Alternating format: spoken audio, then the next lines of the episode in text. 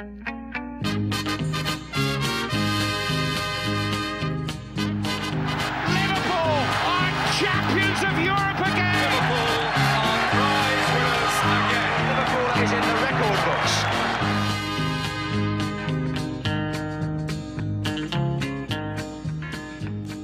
Då hälsar vi alla hjärtligt välkomna till ett nytt avsnitt av eh, LFC-podden. En podcast som vi som vanligt gör i samarbete med LFC.nu, som är den svenska officiella supporterklubben för Liverpool i Sverige.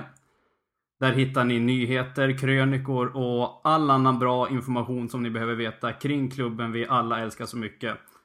Vi gör också den här podden tillsammans med Redspet. Redspet är ett spelbolag som ger tillbaka 50% av sitt nettoöverskott tillbaka till Liverpool-fans och samhället i Liverpool. Vi vill eh, såklart uppmana alla att spela ansvarsfullt och endast spela för pengar man har råd att förlora.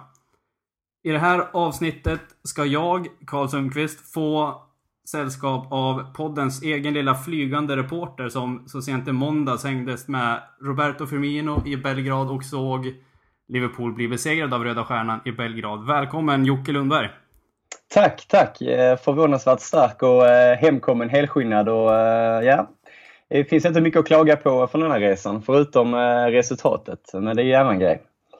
Det Själv? Jo, det det är bra tycker dig jag. också? Mm. Återhämtat mig från eh, podden Away som var en eh, jäkligt trevlig upplevelse faktiskt. Eh, Ja, verkligen. Det är ju första gången jag är med sedan dess så eh, det var ju fortfarande nästan eh, trött från den resan eh, när man sen skulle ner till Belgrad. Så man fick eh, sova ut 13 timmar i morse men på benen igen och stark som alltid. Fantastiskt. Eh, du är som sagt nyss hemkommen från, från Belgrad. Hur, hur var känslan där nere? Du hängde ju med Firmino. Det hann ju mer eller mindre bara landa innan eh, gubbarna hängde på dig där. Ja, lite tur där. Vi eh, flög ifrån eh, Köpenhamn och mellanlandade i Wien och när vi hade kommit av flighten senare i Belgrad så var det dags att ta ut lite pengar. De har ju en väldigt sjuk valuta där. Så bara vänder man om och, ser Mignolet och resten av truppen gå ner för trappan. Och jag lämnar givetvis pengarna på marken och springer bort. Eh, men det var full rulle ner för trapporna. Det var knappt man hann med. Jag såg ju eh, både Moreno och Fabinho kom emot mig. Jag tänkte man kan inte ta en bild med dem när man har lite bättre lirare för en gångs skull. Och fick Firmino snabbt att stanna. Mané passerade lika fort bredvid honom och van Dijk och Salah hade två vakter bredvid sig. Så det gick eh, tyvärr inte. Klopp såg inget, eh, ingen skymt av heller. Men eh, Firmino ställde ut på en bild och verkar i alla fall då eh, ganska stark och eh, fräsch. Men eh, tyvärr fick han ju inte starta. Och, kan varit det som eh, vi hade behövt från början. Men eh, helt klart en eh, cool och häftig eh, möjlighet. Eh, vi, vi skojade lite här innan om, eh, på planet när de, jag skickade en bild eh, till dig bland annat Kalle. De bjöd ju på eh, lite grejer på planet och då fick vi bland annat ett eh, choklad som hette Bobby eh, på flighten här till Belgrad och att man sen skulle träffa honom en halvtimme senare. är ganska sjukt i sig. Jag vet inte om det finns högre makter men någonting måste jag ha sammanspelat helt klart. Onekligen. Ehm, Uh, Mignolet hade nog inte fått tag i någon bild med ändå. Vi hängde ju med han i baren för någon vecka sedan på podden Away. Men han var ganska ointresserad av oss. Ja, han, eh, Eh. såg, eh, han såg faktiskt relativt fräsch ut också trots de där drinkarna i baren. Men ja, det passerar ganska fort. Hela ungdomslaget var med och journalister och, och liknande så det gick i full rulle. Det var ju knappt man hann ta någon annan. Men en snabb bild fick jag och ja, coolt helt klart. Vad är oddsen att de landar samtidigt som en annan? Det finns ju inte riktigt. Du är ju överallt så att eh, möjligheten finns alltid att du stöter på någon.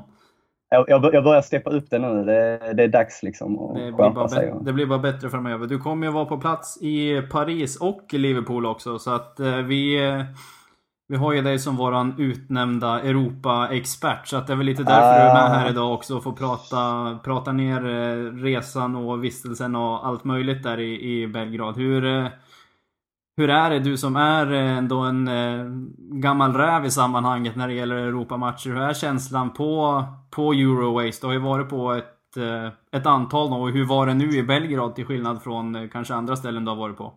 Nej men precis, det var ju lite som eh, när man åkte till Kiev. Det är ju, både, både Ukraina och Serbien är ju två speciella länder i sig och man visste inte riktigt vad man skulle förvänta sig med allting eh, annat språk och bokstäver och ja, kultur och allt vad det innebär. Men Belgrad i sig och Serbien, vi är faktiskt jävligt imponerade av det. är Jävligt eh, fint inne i Belgrad. Ändå städat och fina priser.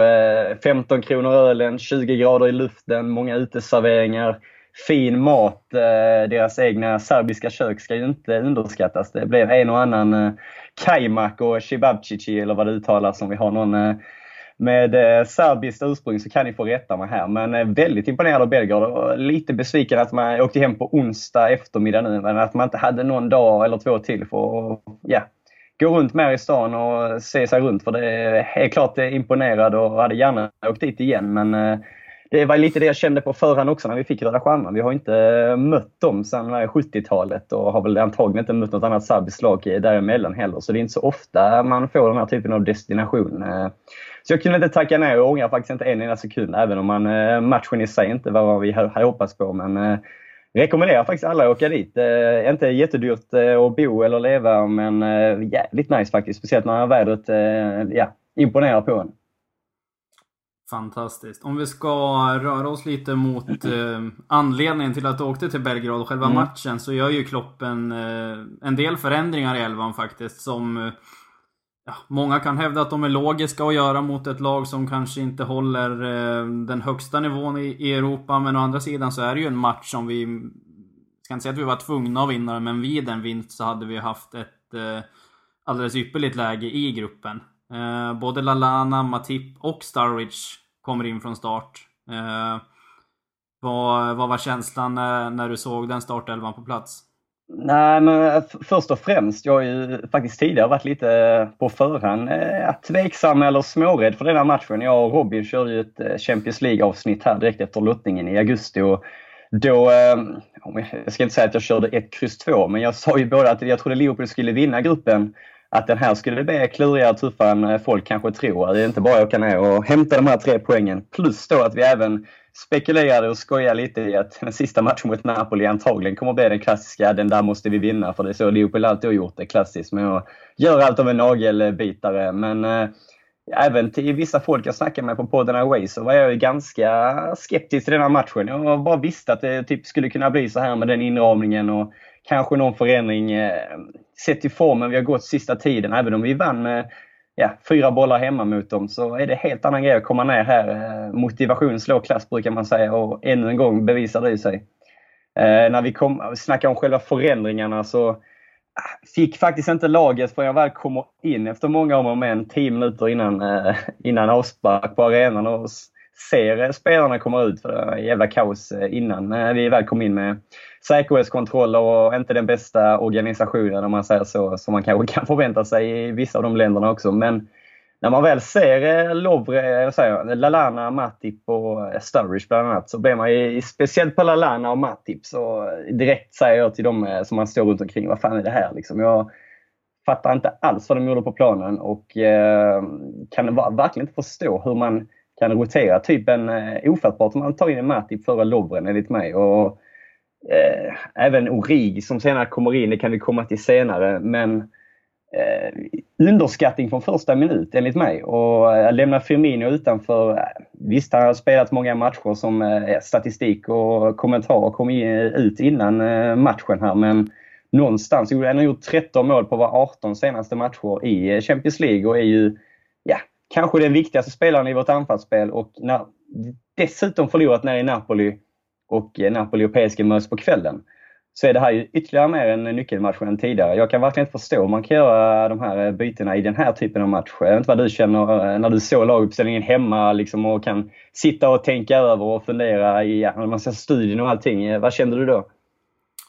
Uh, Ja, till, till viss del så tror jag att det kan ha varit inslag av underskattning inblandat. Eh, det kan ju såklart vara logiskt att göra några förändringar, men som du säger så är väl inte eh, Matip och framförallt inte Lalana den första man skulle vilja se. Han eh, utmärktes ju fan inte ens mot Cardiff när vi var på på podden Away. Redan där var han ju mer eller mindre sämst Vi, vi kan ju dock, eh, dock tillägga att Shakiri fick ju inte hänga med och han hade ju antagligen startat om det hade varit andra, en annan typ av match eller om det, de här scenerna inte hade hänt tidigare. Så där tappar vi en gubbe. Men, eh... Absolut. Jag tänkte att vi skulle beröra det lite, lite mm. senare. Men eh, ja, när elvan kom faktiskt på en gång så fick jag ett meddelande av Danne Forsell och han skrev direkt att det här är underskattning från, från Klopp. Och det, det kan mm, mm. uppenbarligen ha varit så, tyvärr. För att eh, jag tror inte, man behöver inte bara se på de spelarna som roterades in utan man kan även titta på alla andra på planen. Och Milner påpekade efter ja, också att vi ja. var inte redo när matchen startade och är man inte det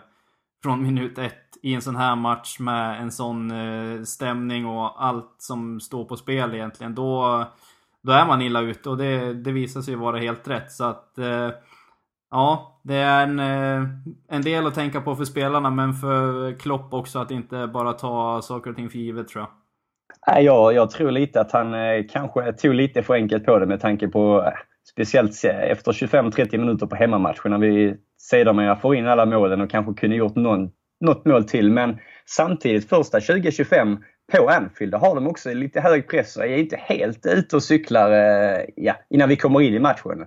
Och det där borde man kanske tagit med sig även när Napoli var där nere och bara fick 1-1. Det är ju ett, alltså det är inte det här typen av ställe där du kan åka på ett sånt här eh, resultat eh, historiskt sett också. Kanske inte, inte i modern tid, men det har liksom någonting runt sig. Någon atmosfär, någon tradition och historia, allt det här du vill. Mytomspunnen eh, situation runt arenan. Och, nej, jag, eh, jag fick nästan gnugga mina ögon när jag såg eh, vissa av spelarna från start. Men även bytena som senare kom in. Men de är, från första minut så ser man att Liverpool inte är med och det här kommer inte sluta bra. Det är direkt hög press från dem, vinner i mittfältet eh, ganska enkelt och bara kommer förbi konstant. Eh, inget eh, som sätter stopp för någonting på mittfältet. Och, nej, det var från minut ett så kände man nästan att det här blir tufft. Får de då in ett mål så lär det här koka över och det var ju precis vad det skulle komma att göra utan tvekan. Absolut. Jag, jag, kan, heller, jag kan heller inte förstå, liksom, ärligt talat, hur Lalana kan få starta, men han har haft många bleka insatser sista veckorna. Okej okay, om han nu haft kämpigt med skador och liknande och varit borta ett tag, men det är långt ifrån samma spelare som det en gång var. Framförallt då i sista offensiva tredjedelen och det är kanske just det vi saknar, eh, i alla fall i andra halvlek. Vi har ju mycket press, mycket bollinnehav, men vi saknar den där sista instickaren som kanske en Coutinho kunde göra. Eller någon av de andra spelarna som kan göra som kanske inte var med. Men han, är långt ifrån sitt, han har ju långt ifrån sitt gamla hugg och aggressivitet. Och det är just det vi hade behövt här. Liksom. Det, är, det, är, inte bara att åka ner och liksom lira boll. Det lär ju smälla och de kämpar. Det är ju utan tvekan för hela landet, klubben och tröjan. Och då en Lalana som inte har det här drivet i sig. Det är liksom, han blev totalt överkörd och det kunde man nästan räkna ut, räkna ut på förhand, känner jag i alla fall. Absolut, detsamma gäller väl egentligen Starwich också när, ja. när Röda Stjärnan går ut med den pressen. För att eh, man ska inte glömma bort att Liverpool gör en jävligt blek insats. Men Röda Stjärnan gör nog troligtvis en av sina bästa matcher på oerhört ja. länge. Och som du säger, alla elva på planen krigar ju för, för inte bara de själva utan en, eh, ett helt eh, lag och i många, alltså i, säkert stor utsträckning ett helt land också som har en eh, stor supporterskala liksom runt om i landet. Så att Sturridge är inte gubben för den matchen i mina ögon heller. För att när de sätter den pressen och med det mittfältet vi ändå hade den matchen att både Milner och Wijnaldum som är två bollskickliga spelare, de slår ju bort bollar till både ja. höger och vänster. Och och att då ha en eh, forward som Sturridge som kanske inte är beredd att lägga ner det där jobbet som Firmino gör och vinna tillbaka bollen igen. Då blir man tyvärr ganska, ganska skadade och Röda Stjärnan får ju vind i seglen med både ett, eh, ett tidigt mål och eh, en,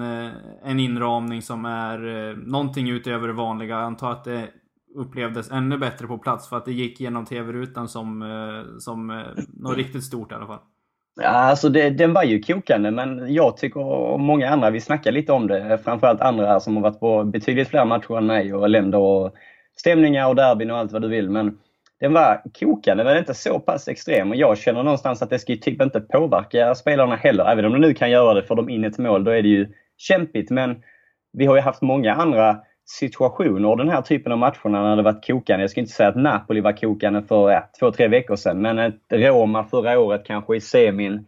det ska ju inte kunna påverka dem. Det är fortsatt spelare som är mycket bättre, men motivationen ännu en gång slår klassen. Och, ja, jag tycker inte man kan skälla eller skylla snarare på stämningen. Alla visste ju att det skulle bli så här och eh, någonstans är det bara fel från början. De kommer inte in i det. Vad som har satt, eh, sagts i omklädningsrummet och spelarnas instruktioner och allting. Vi kan ta en Matip som inte helt, alls kommer in i det. Han skickar ut fel eh, signaler konstant i hela backlinjen. Och det syns tydligt när man bara står och kollar på honom att ingen litar på honom eller ingen vet vad han ska göra överhuvudtaget. Eh, och den typen av tveksamheter kan man liksom inte ha i den här typen av match. Att eh, vem ska göra vad? Kan vi lita på honom? Det måste bara vara aggressivt och inte underskatta. Det är därför jag menar att Firmino skulle startat upp och ner. Någon som jobbar offensivt och defensivt. Och Lalana gör inte det. Eh, även om han kanske gjort det förr och varit den typen av spelare. Men han är inte på den nivån längre. Så jag, nej, jag kan köpa om han kanske får spela mot Fulham eller någonting. Men inte i den här situationen när matchen betyder så mycket. För en trepoängare här hade ju varit otroligt eh, viktigt med tanke på att det då blev kryss i Napoli PSG också. Då hade vi inte haft den här situationen att sätta sig i. Så det är ju, eh, Klopp får helt enkelt bara ja, leta upp fler än tio fingrar, eller vad sa han? Det var så många grejer han inte kunde få plats med ens på händerna. Men eh, det ligger väl något i det han säger också. Absolut, så är det ju. Sen, sen är det ju lätt alltså, att måla upp Eh, både Lalana och, och framförallt Matip som det säger som, ja, definitivt. som kanske de, de stora offren. Men eh, ser man det liksom steget längre ändå med något nyktra ögon så är ju har ju Milner, inte en enda spelare som får Milner och Wijnaldum har ju en, eh, en dålig match båda två. Och sen spelare som Mané och Salah ska ju egentligen på en bra dag kunna springa ner lag som Röda Stjärnan. Så att eh, man kan ju egentligen liksom fundera vad det är som går fel. Om det är en liksom motivationsfråga eller om det är eh, att alla spelare av någon jävla slump har en, har en dålig dag. Men eh, som du säger, det är ju från minut ett egentligen så känner man ju att det är något som är fel. Och jag tror det, det, liksom, det sprider ju sig till hela laget och allt. Så att eh, Ja. Jag, jag, tror väl någonstans det var en kombination av, du säger, som du säger, om, av stundens allvar att ingen liksom nådde upp till sin eh, högsta nivå eller förmåga. Men det, alltså vi, kommer inte, vi får inte ens igång vårt typ av spel, det här snabba, kvicka. För Röda Stjärnan går redan högt upp flera gånger i, i matchen och vi bör kunna ställa om snabbare. Men inte tillräckligt snabbt på mittfältet, inte de där snabba omställningarna. Och det är det som jag tror att hade vi väl fått igång dem så hade det kunnat rinna in både ett och två mål men även trots vi låg under med 2-0 så kände man väl, ja, ett mål innan den här minuten eller innan den här minuten så får vi antagligen ett kryss. Och någonstans så hade vi också ja, 72 bollinnehav totalt, 23 skott, men bara fyra på mål. Men också, där, vi har ju chanser. Matip har någon nick och det är många tilltrasslade situationer där bollen borde kunna studsa på någon annan. Vi har inte den där sista marginalen eller turen utan det var helt enkelt Röda Stjärnans kväll. De skulle ha det och de förtjänar det. Uh, på en annan dag kanske vi hade fått in ett mål och jag tror också, hade vi fått in ett mål där så hade det blivit enorm nervositet och de hade backat tillbaka och vi hade antagligen kanske kunnat få in en boll till. Men när, det, när den inte studsar rätt så är, då är det inte enkelt eh, oavsett match eller situation.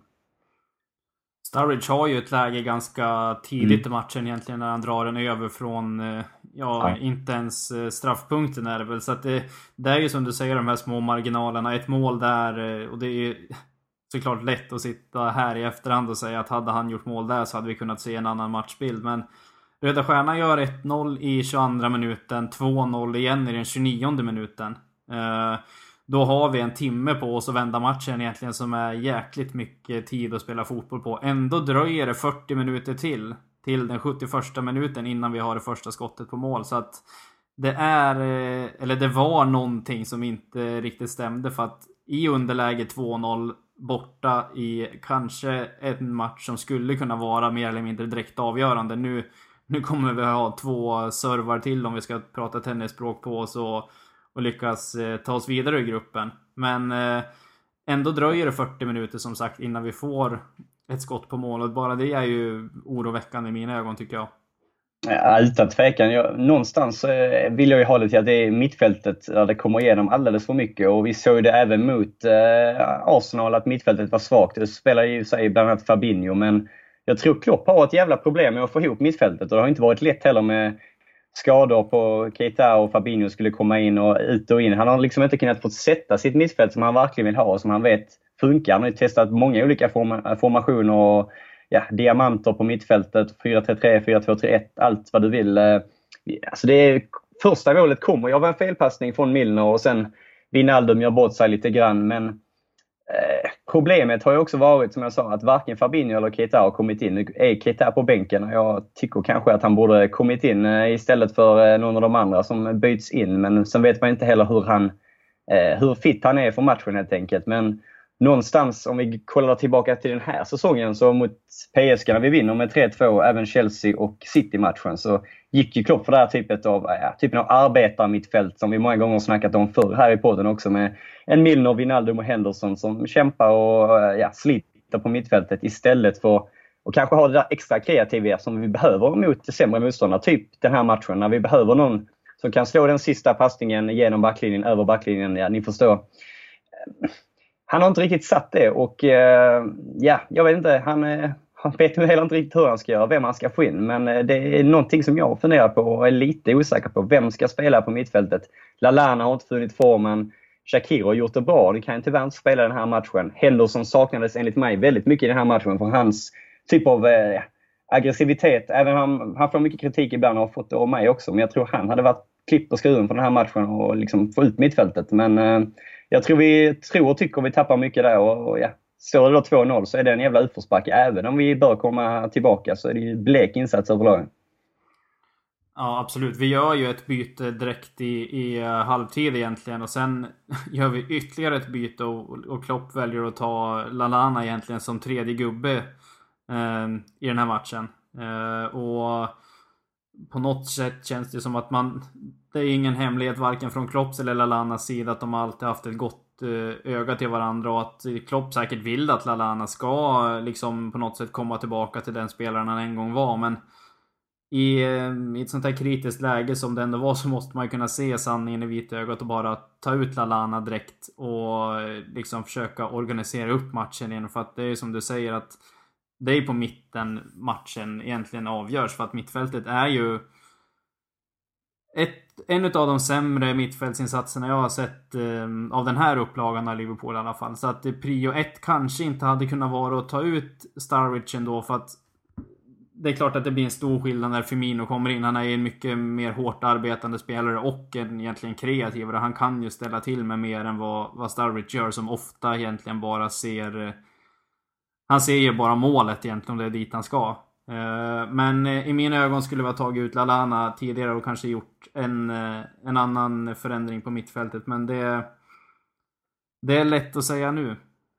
Ja, utan tvekan. Vi, ska, vi kan ju sitta här och gnälla och svära på ja, enstaka individer som kanske inte är tillräckligt bra. Men någonstans är det ju 7, 8, 9 andra spelare som inte är bra nog och som ska vara bra nog som inte gör jobbet. Och även de är ju så ifrån blek insats och borde höja sig rejält. Så det är svårt att bara peka på någon enskild. Han borde inte spelat, han borde spelat. Vi har ju ja, som sagt 75% av de andra gubbarna som är totalt urusla och ja, bara får en rejält underkänt. Så, eh, det är svårt, men jag tycker också det är lite konstigt där med Gomes-bytet. Även om Trent har haft det tufft de sista veckorna och Många ifrågasätter om han ska om, ta in Lovren och få ut Gomes på kanten. Eh, det är en annan fråga i sig, men jag kan inte förstå att Keita inte kommer in. Han kan ju inte vara tillräckligt bra eh, i form eller eh, tillräckligt eh, rehabiliterad. För annars är han ju enligt mig, om man går tillbaka till Leipzig-tiden, var han den här drivande mittfältaren som kunde få in en pass. Vi har ju sett det i Liverpool också vid enstaka gånger. Liksom.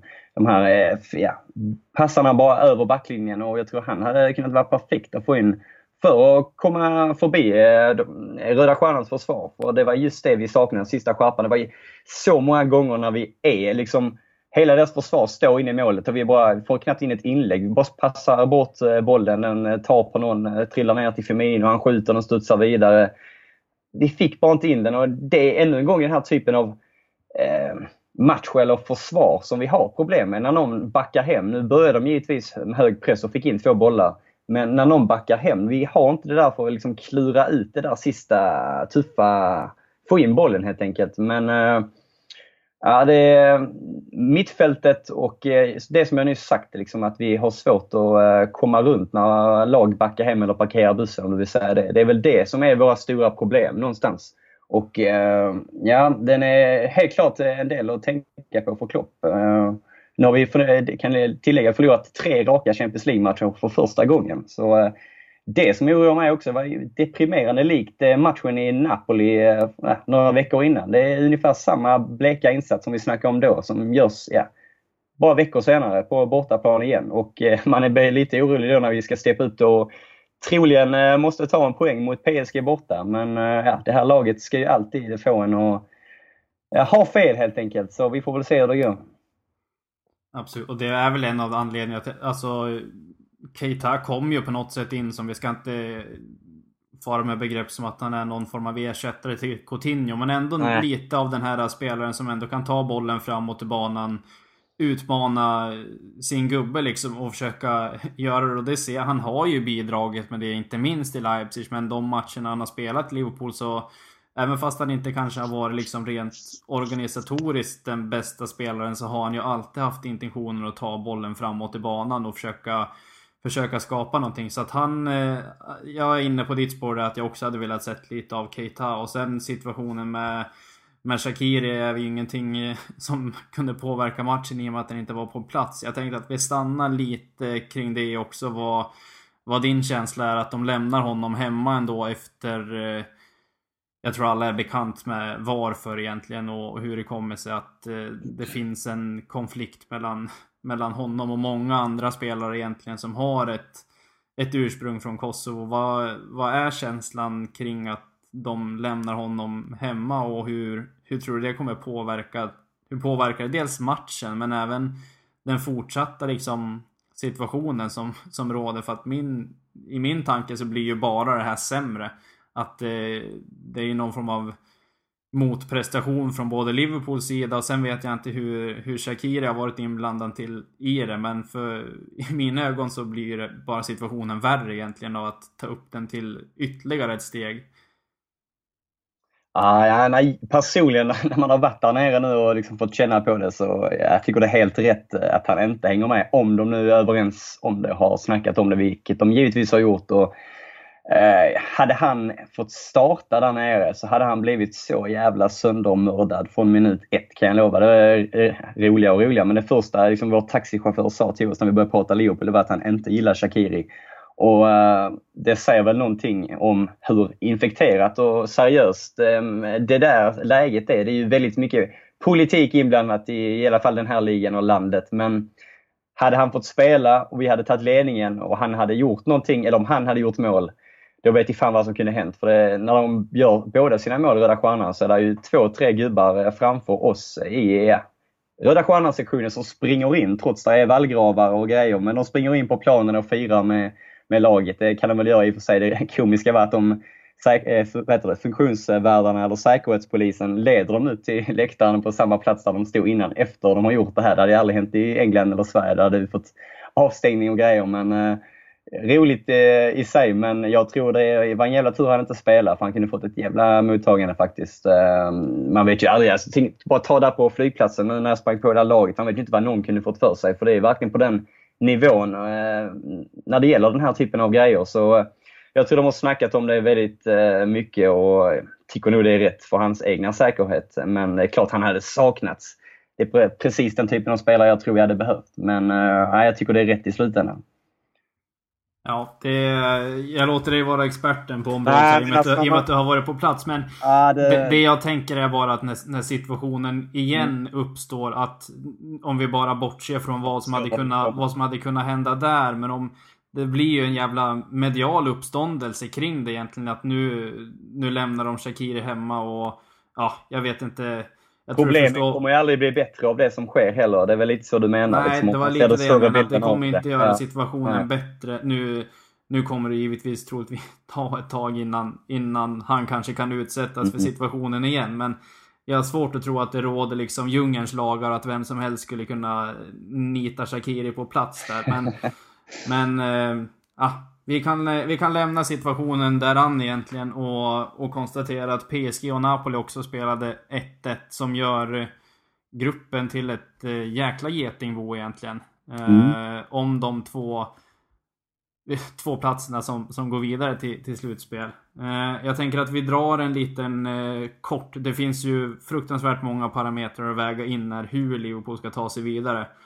Eh, men eh, jag vet att du har satt in dig i lite grann hur eh, ett antal alternativ som gäller i alla fall hur Liverpool ska, ska ta sig vidare.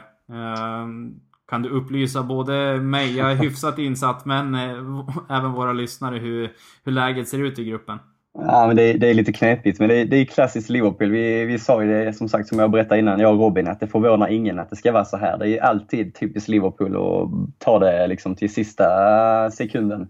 Eh, någonstans var det väl lite tur kanske att det blev kryss där också, att inte kanske PSG vann eller någonting. För det, nah, det beror på hur du vänder och vrider på det. PSG måste ju nästan gå för, eller måste ju slå oss också på, eh, i Paris. Så det, blir ju jävla matcher i vilket fall som helst. Men det ser ut enligt följande att om Liverpool vinner i Paris och eh, Napoli då eh, besegrar Röda Stjärnan så är Liverpool vidare direkt eh, och eh, innan matchen mot Napoli på Anfield och PSG är utslagna. Och om eh, Liverpool och PSG spelar oavgjort medan Napoli slår Röda Stjärnan så är Liverpool eh, vidare om de slår Napoli i sista matchen med tre poäng helt enkelt. Och spelar Liverpool och PSG oavgjort medan eh, Uh, ja, men vi, vi, vi, sa ju det innan Kalle, vi kan ju lägga ut hela det här för det är liksom sju, åtta varianter om de spelar kryss eller oavgjort, bla bla bla. Men den tredje och sista är helt enkelt att om Liverpool förlorar i Paris så måste Liverpool slå Napoli med två mål. Hur fan var det nu? Ja precis. Det jag tror du ville komma till där med oavgjort är om vi spelar oavgjort och Napoli och Röda Stjärnan kryssar så då är vi vidare med, med en Napoli. vinst mot Napoli ja. helt enkelt.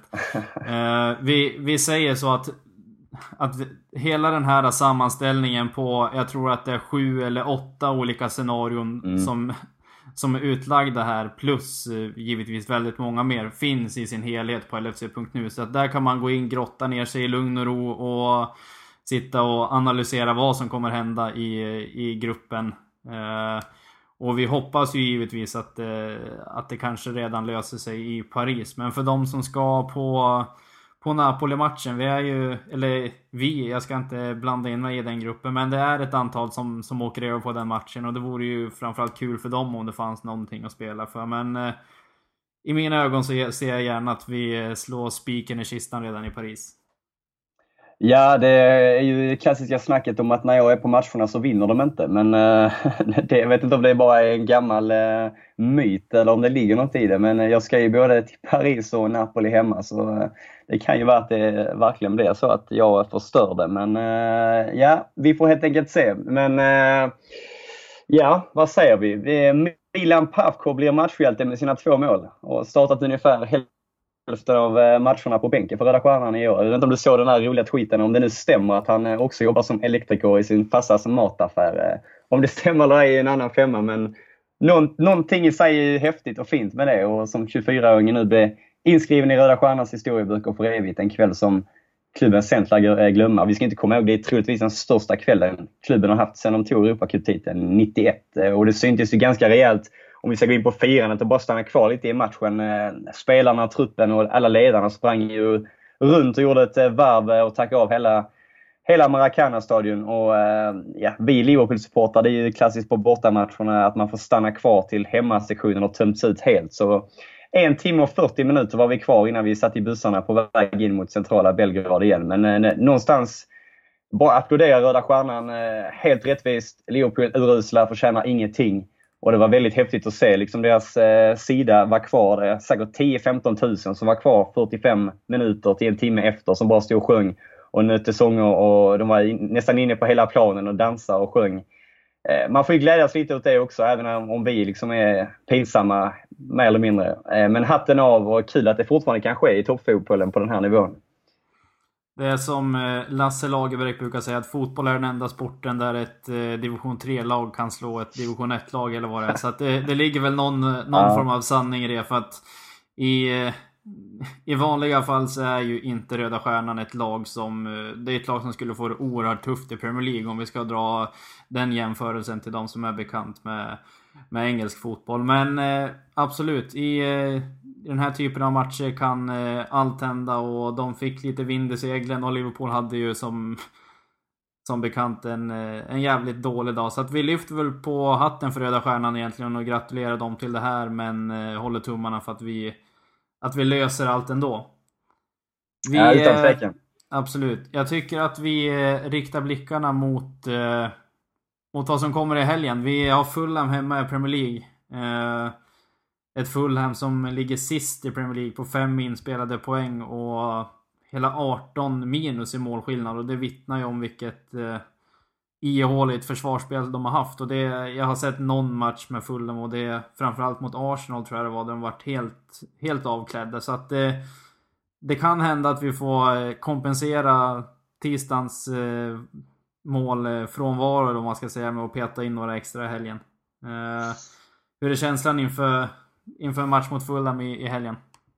Äh, Det är alltid klurigt. Som du sa, de ligger ju sist och eh, som nykomling och när vi kollade i somras när de väl spenderade stora pengar och hämtade in en del namnkunniga spelare. De hade ju Chambers, eh, Mitrovic, eh, Seri, Schürrle, Vietto. Det var många spelare. Det var ju närmare en miljard spenderat. Eh, som du sa, fem raka förluster. Eh, senast 1-0 mot Huddersfield förlorade de med. Enda segern vi hittade är mot Burnley på hemmaplan. De hade givetvis haft större hopp och ambitioner om hur, var den här säsongen, i alla fall inledningen, skulle ta dem. Men eh, har haft det kämpigt och det är väl någonstans... Eh, vi har ju haft både Cardiff och Huddersfield här nu nyligen i veckorna. Och det är ju match som bara ska vinnas. Eh, jag kan faktiskt inte se något annat och vill ju ha det här bakslaget nu efter både Arsenal-matchen som var sisådär, men även den röda stjärnan, att vi går ut och tar de här tre poängen. För eh, vi ska ju även tillägga att City möter United i helgen, eh, har sitt derby. Och om vi nu ska vara med än in i det sista omgången så måste vi vinna när de har sin typ av möjliga match och tappa poäng om man säger så. Uh, blir väl... Eh, jag tänkte ja. säga det. Jag har, jag har kollat upp lite grann här hur det, hur det ser ut framöver. Om vi ser fem, fem omgångar framåt så har Liverpool nu Fulham, Burnley, Watford, Everton och Bournemouth. Vilket är fem matcher egentligen på pappret som, som Liverpool ska vinna. Även, eh, även mot Everton. Eh, det, det tycker jag absolut. Och ser vi till City så har ju de, precis som du sa, de har United i helgen och så har de Chelsea också under sina fem kommande matcher. Eh, medan Chelsea som också är med i toppstriden, de har Tottenham och City då. Så att eh, det är ju ett läge nu att ta ett riktigt krafttag i den här toppstriden egentligen. Innan, innan julen kommer och, och vi möter Arsenal bland annat och det blir ett tight matchande schema. Eh, så att eh, det är väl lika bra att börja nu mot, mot Fulham innan helgen. Jag vill även minnas att eh, jag satt och slötittade lite grann när de mötte Huddersfield, precis som du sa. Att, att jag tror det var Holmgren som kommenterade som sa att Fulham inte har startat med samma backlinje en enda gång under den här säsongen. Och det, det har väl sin bidragande orsak till att de har läckt ganska rejält bakåt med, med 18 kassar. Så att eh, Ja, i mina ögon så är ju det här en ypperlig chans, precis som du var inne på, att vi, att vi ändå ska ta den här möjligheten när, när City ändå står på några lag som, att, som de trots allt kan tappa poäng mot. För att eh, vi ska inte glömma att det är en jävla maskin som bara tuggar på omgång efter omgång. Så att, eh... Ja, precis. Nej, men det, det, är väl lite den typen av spelschema eller veckor vi har nu som City har haft de sista veckorna. Nu får de några toppmatcher, vi har haft några toppmatcher de har gått rent och sopat mattan mot allihopa och ja, skrattat ut de flesta. Så det, det är dags att vi steppar upp formen för någonstans har vi inte gjort det in i november. Fortfarande har vi inte kommit upp på vår högsta nivå och det är nu det verkligen måste klicka i hopp om att de andra tappar poäng och vi vinner så kallade skitmatcherna på pappret. Gör vi inte det så, eh, och då City fortsätter ånga på så tror jag det kan bli riktigt tufft redan eh, ja, runt årsskiftet. Som du sa, vi har Arsenal där, sen har vi City borta också i början av januari. Så vi har de dubbla två matcherna där vid årsskiftet som eh, givetvis kan sätta en stor prägel på vårkanten också. Men det är måste-matcher alla de kommande veckorna som eh, kommer. Men givetvis har vi de här måste-måste i Champions League också som trillar in där, PSG och Napoli. Och det blir väl intressant att se vilka typ av rotation och lag som ska spela de här matcherna. Nu har vi Keita och Henderson som kommer tillbaka. Bland annat eh, kollar vi Fulham inför helgen. Många speciella skador men eh, inget i alla fall som är värt att eh, prata om, om man säger så. Men de har, eh, som du säger, givetvis problem att få ihop backlinjen och ja, det är, det är bara att ta vara på chansen. Absolut. Vi, som du säger, vi möter ju både Arsenal och City där kring, kring årsskiftet. Så att det, vi, vi har ju våran chans nu och som du, som du tidigare nämnde så har ju Liverpool inte kommit upp helt i nivå heller. Eh, många väljer att se det som ett svaghetstecken. Jag, jag vill snarare se det omvänt egentligen. Att, mm.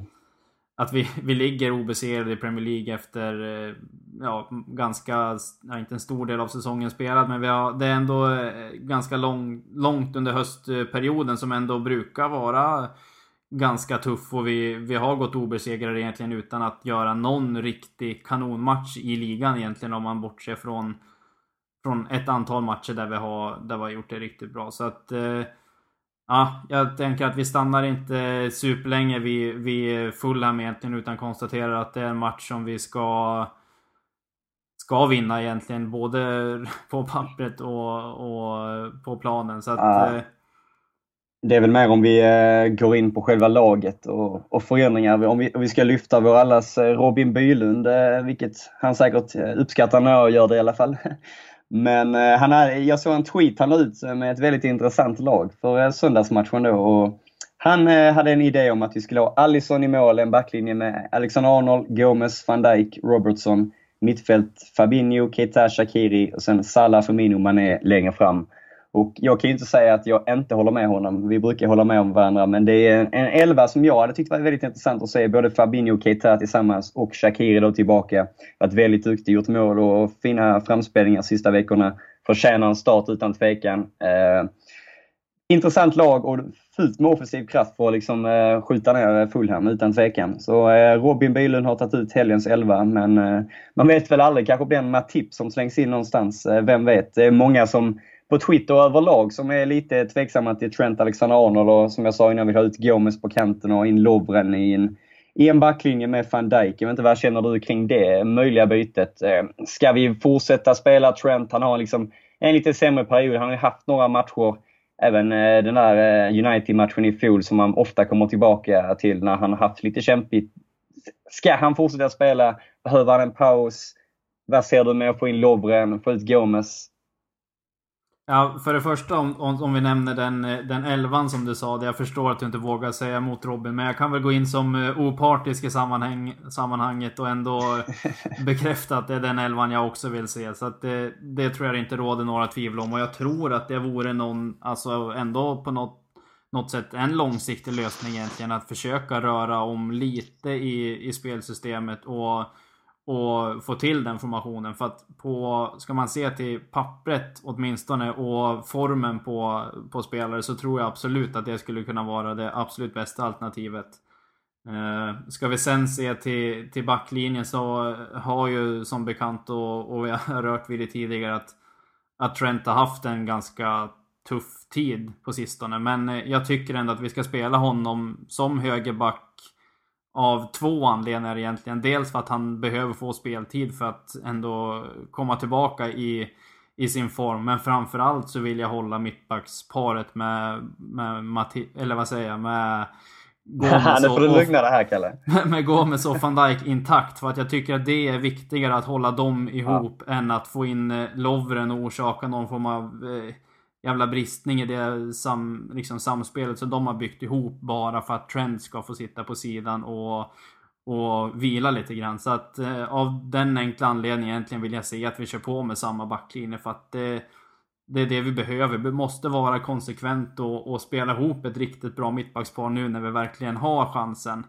Eh, när man har fått stått ut i några år med fan eh, både Lovren och till och med Klavan har varit inne och härjat några gånger och det fanns en tid då Matip framstod som en jävligt bra mittback också. Så att jag tycker att vi ska ta, ta tillvara på den här chansen nu och spela ihop dem till, till det de kan bli och kanske redan är ligans bästa mittbackspar. Så att, att vaska den chansen bara för att eh, Trent ska få lite eh, lugn och ro på bänken, det tycker jag vore rent av eh, idiotiskt. Men eh, vi får se. Klopp kanske vill annat och ser vi Matip i, i helgen igen så ja, då då får då du gå in och styra upp. Ja, då får du gå in och styra upp det Jocke. Jag, tror inte... Nej, men, eh, jag, jag håller med dig till 100% men jag tycker också det ska bli intressant med, en gång med mittfältet som jag poängterade innan. Alltså, vi hade mot Southampton gick ju Shakiri in tillsammans med Henderson och Wijnaldum. vilket gick bra. Shakiri blev däremot utbytt i pausen och Klopp hade väl att det var för att få in mer defensiv trygghet. Men mittfältet måste ju sättas också. Givetvis har vi olika typer av matcher. Någon match mot de kanske tuffare lagen kanske vi måste ha lite mer disciplin och aggressivitet eh, med de här Milner, Wijnaldum, Henderson, arbetarmittfältet som man kallar det. Men någonstans vill jag också få in de här nyförvärven. Eh, har ju inte blivit vad man hoppas på från varken Keita eller Fabinho. Man vill ju se dem mer och eh, jag tror ju, tror ju bara de behöver tid helt enkelt. Och de måste ju spela för att kunna komma in i elvan och det här är väl en ypperlig chans enligt mig att få in båda i eh, den här, mot den här typen av motstånd också. Absolut, vi ska ju egentligen... Intentionen har ju varit det hela tiden med båda värvningarna att de ska... Att de ska komma in och bli ordinarie på något sätt ja. i det här Liverpool-laget. Vi har ju haft turen nu egentligen när båda har behövt lite tid att... Att både egentligen Milner och Wijnaldum och, och även övriga som har spelat på mittfältet har gjort det jävligt bra. Så att vi... Vi ska ändå vara glada att de har, att de har tagit, tagit det dit. Men eh, jag tror allas förhoppning är egentligen att få se de här nyförvärven ändå komma in och få chansen precis som du säger. För att det är ju det det är det både Klopp har väntat på tror jag och även de själva och framförallt fansen också få, få se de här spelarna slå igenom i Liverpool. Ja, utan tvekan. Det är dags helt enkelt. Vi ska, idag ska, ska vi även notera att Gareth Southgate har presenterat sin, sin trupp till kommande, till kommande landslagssamling och då är ju Trent bland annat inkallad och eh, Gomes och även Henderson. Jag tänker att vi, vi stannar kring, kring just Henderson där. Att de andra två är uttagna kanske inte är några konstigheter egentligen. Men eh, Klopp har ju tidigare riktat lite kritik mot Southgate att han bland annat om vi ser Henderson koncentrerat nu att han har matchats ganska hårt under landslagsuppehållen trots att han har varit lite skadedrabbad. Uh, nu har han varit skadad en tid och har inte spelat i Liverpool heller och han blir återigen uppkallad till landslaget. Så att, vad är känslan där egentligen? Är det, är det för snabbt att ta tillbaka honom i landslaget igen nu när han knappt har spelat för Liverpool trots att han är ju troligtvis redo nu att börja spela igen. Vad, vad är din känsla kring det? Ja, utan tvekan. Vi kan väl först och främst eh, nämna det om, om folk inte har koll för de här landslagsuppehållen duger lika tätt som alla cuper och, och ligamatcher Liverpool har. Vi har ett, efter den här fulla matchen har vi ett landslagsuppehåll som gör att eh, efter fulla matchen är det 13 dagar till nästa match mot Watford borta. Eh, men som du säger, det är klart att Liverpool borde sätta ner foten, men någonstans ligger det väl kanske också hos Henderson att någon gång, eh, kanske i det här fallet, tacka nej eller i alla fall eh, prata med Southgate om att han kanske inte känner sig helt redo. För vi vet ju också, så fort alla de här spelarna kommer med så lär de ju spela i landslaget. Givetvis vill länderna ha sina bästa möjliga elvor. Och jag tror väl inte det är det absolut bästa alltid när vi, i alla fall klubblagen, får fler och fler matcher. Vi har tajt matchande. Att även spela de matcherna i landslaget. Det är ju inte konstigt att det kommer skador och att toppen är, så här, formen inte alltid på topp heter det. Eh, jag anser väl mer att det borde gå att lösa och om de har samtalat eh, Southgate, Klopp och Henderson eller om de inte har gjort det en annan fråga. Jag tycker väl det är fel att han eh, kommer med, men det har vi sett så många gånger förr. Det var väl förra landslagsuppehållningen när City hade 5, 6, 7 spelare hemma. Och det sker ju av en anledning. Guardiola är väl smart där, men också någonstans så måste man ju se det hela över en hel säsong och att matchandet kanske inte alltid är så bra för längden. Eh, givetvis vi får helt enkelt bara gå på att eh, de har, känner att han är tillräckligt bra men, eh, och i fit form. Men eh, jag kan ju inte se han spela i helgen då, om han nu sticker iväg. För sen har vi som sagt Watford. Bara några dagar senare har vi PSG. Tajta schemat börjar igen. Matcherna duger tätt. Det är matcher vi måste vinna. Sen kommer jul och nyårsschemat. Många spelare ser ju ganska trötta ut i Liverpool idag och det är en annan grej som gör mig lite bekymrad. Att, eh, fort kommer de här landslagsuppehållen in mellan matcherna som man egentligen inte vill ha vi ser skador från förra uppehållet. Det var ju flera skador och små skavanker och folk som kom hem sent och ser ju nästan fortsatt trötta ut från förra uppehållet. Så äh, det, man kliar sig bara i håret och ber till gudarna så fort det är ett landslagsuppehåll. Men jag tycker det är för tidigt. Han borde inte vara uttagen men äh, ja, vi får väl hoppas de har bäst koll på det som vanligt. Vi konstaterar alltså att Jocke Lundberg ska agera medlare mellan Jörgen Klopp och Ja, men vad fan, man, man måste väl tuffa till det lite. Det var väl med Ferguson förr i tiden var ju nästan han som bestämde vilka spelare United skulle ha ut eller inte. Och jag tror Guardiola är lika bestämd, i alla fall när vi såg förra uppehållet, när det var flera spelare som nästan folk skrattade om, åt att de inte var med. Men någonstans så äh, ligger det väl i Hendersons händer också vad han vill och känner. Och han känner väl också att han vill vara lika central och given i, i landslaget. Och, äh, ja, man, man, man kan inte vara med på allt, eller hur? Nej, det kan man verkligen inte. Sen är det ju så, Klopp, jag vet inte om det här är bara någon, någon sida han visar mot media. Där är han ju inte speciellt sen på att rikta kritik mot att, att hans spelare matchas för hårt i landslaget. Nej. Jag vet inte hur snacket går direkt med, med Southgate mellan de två. Men, men som du säger, jag upplever nog också som du att att andra lag kanske har lite större, jag ska inte säga inflytande, men de, de vågar åtminstone sätta ner foten mot FA kanske. Snarare än att bara prata liksom ut i media och hoppas att de ska få reda på det den vägen. Så att, ja, men det, eh, det, är väl någonstans det större, alltså hela truppen. Det är sjukt ibland. Det var väl förra, förra vad heter det, samman, eh, landslags... Eh, sam, vad heter det? Hjälp mig. Samling.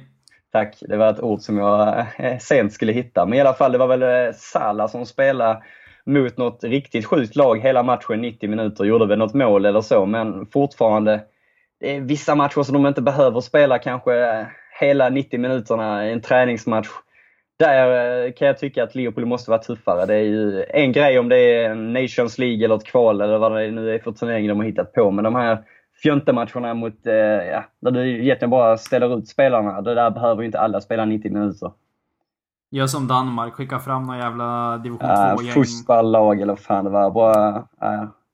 Nej, men det, vi, jag, jag, tycker vi, vi måste konstatera att, ja. Jag tycker vi konstaterar att det, det, är för tidigt. Han, eh, sen har jag full förståelse för att Henderson givetvis vill representera mm. England. Det är ju ingen hemlighet. Men man kanske ska välja sina tillfällen. Att en träningsmatch mot, mot Kroatien kanske inte är prio 1 jämfört med en match som verkligen betyder någonting. Så att Ja, vi, vi sätter spiken i kistan där på FA som man kan säga både det ena och det andra om. Och eh, att eh, Henderson ska stanna i Liverpool och bli redo lite grann. Jag tänker att vi, eh, vi avslutar med att eh, se lite grann i, i spåkulan. Jag vet inte om du har tjuvsnackat någonting med Danne Forsell eh, idag angående resultat. Men jag tänker att vi tippar lite grann full här matchen. Eh, på söndag är ju Liverpool tar emot eh, tar emot Fulham på Anfield. Och hur går det då enligt Jocke Lundberg? Ja, jag vet inte fan ska man eh, rygga Danny Forsell? Jag vet inte, eh, han brukar ju vara het eller inte. Men eh, jag sticker ut hakan och säger att det blir bara 1-0 då. Vi gör jobbet. Vi vinner med 1-0 men eh, det ser fortsatt inte så bra ut. Men sen har vi ett landslagsuppehåll. United slår City. Jag kommer ihåg var ni hörde det. Så går vi upp i ledning också när Chelsea eh, inte tar poäng på... Eh, vad det Tottenham hade nu i helgen? Eh, ja, det tror jag. Ja, precis. De, de, de spelar väl i, de spelar mm. väl även idag tror jag i... Eh, jag kommer inte ihåg vilka det var de mötte i Europa League, men det är ja. väl något eh, sjukt gäng som vanligt.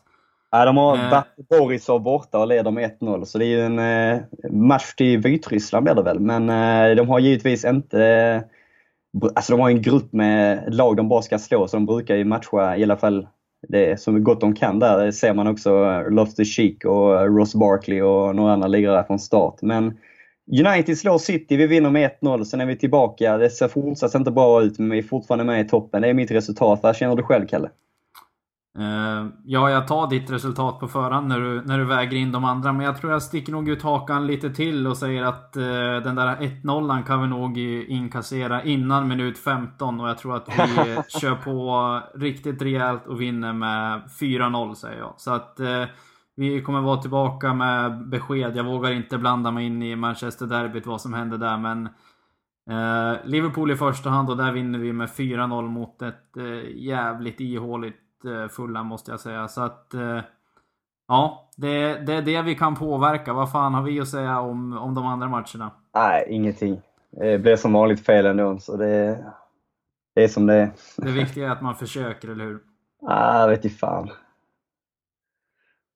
Vi... Eh, jag tänker att vi stannar där och ser fram emot helgen egentligen. Vad, vad, som, eh, vad som komma skall. Söndag är det som gäller så att vi får eh, hålla till godo lite grann. Det är ju ingen måndagsmatch trots allt. Så att en, en söndag kan vi vänta till och inkassera mm. tre nya poäng. Så att eh, jag tackar dig för din tid och hoppas att du inte är helt, eh, helt slut efter resan till Nej, de, de duggar tätt nu så eh, jag får se om eh, Danne Forsell är i min form när Paris vankar om två och en halv vecka eller någonting. Så eh, får bara åka ner och förbättra mig så folk eh, får upp ögonen för mig och blir någorlunda nöjd med mig när vi vinner nere i Paris. Så kanske jag får tillbaka folks förtroende igen. För annars får jag väl sluta åka. För det har ju blivit en känd grej nu att när jag är där så eh, går det åt helvete enkelt. Så eh, nej, jag får förbättra mig även jag, inte bara spelarna. Jag kan inte bara sitta här och gnälla på alla. Jag måste eh, steppa upp både två och tre steg också. Jag tycker det är bra att du bara åker runt och visar upp dig, precis som Mignolet. Att vi, vi, vi stannar väl där och på Just det, vi ska säga det också att tävlingen, eh, tipptävlingen, här sitter vi och, och tippar för fulla muggar men det kommer ut information på, på, i våra vanliga kanaler, framförallt på Twitter där på, på Twitter-tävlingen med allt som gäller för att eh, lägga vantarna på en eh, snygg tisha från Samdot. Så eh, håll, eh, håll utkik där i anslutning till, till matchdagen så hittar ni allt ni behöver. Så att Tills dess kan ni fundera både en och två gånger på resultatet så hörs vi igen nästa vecka.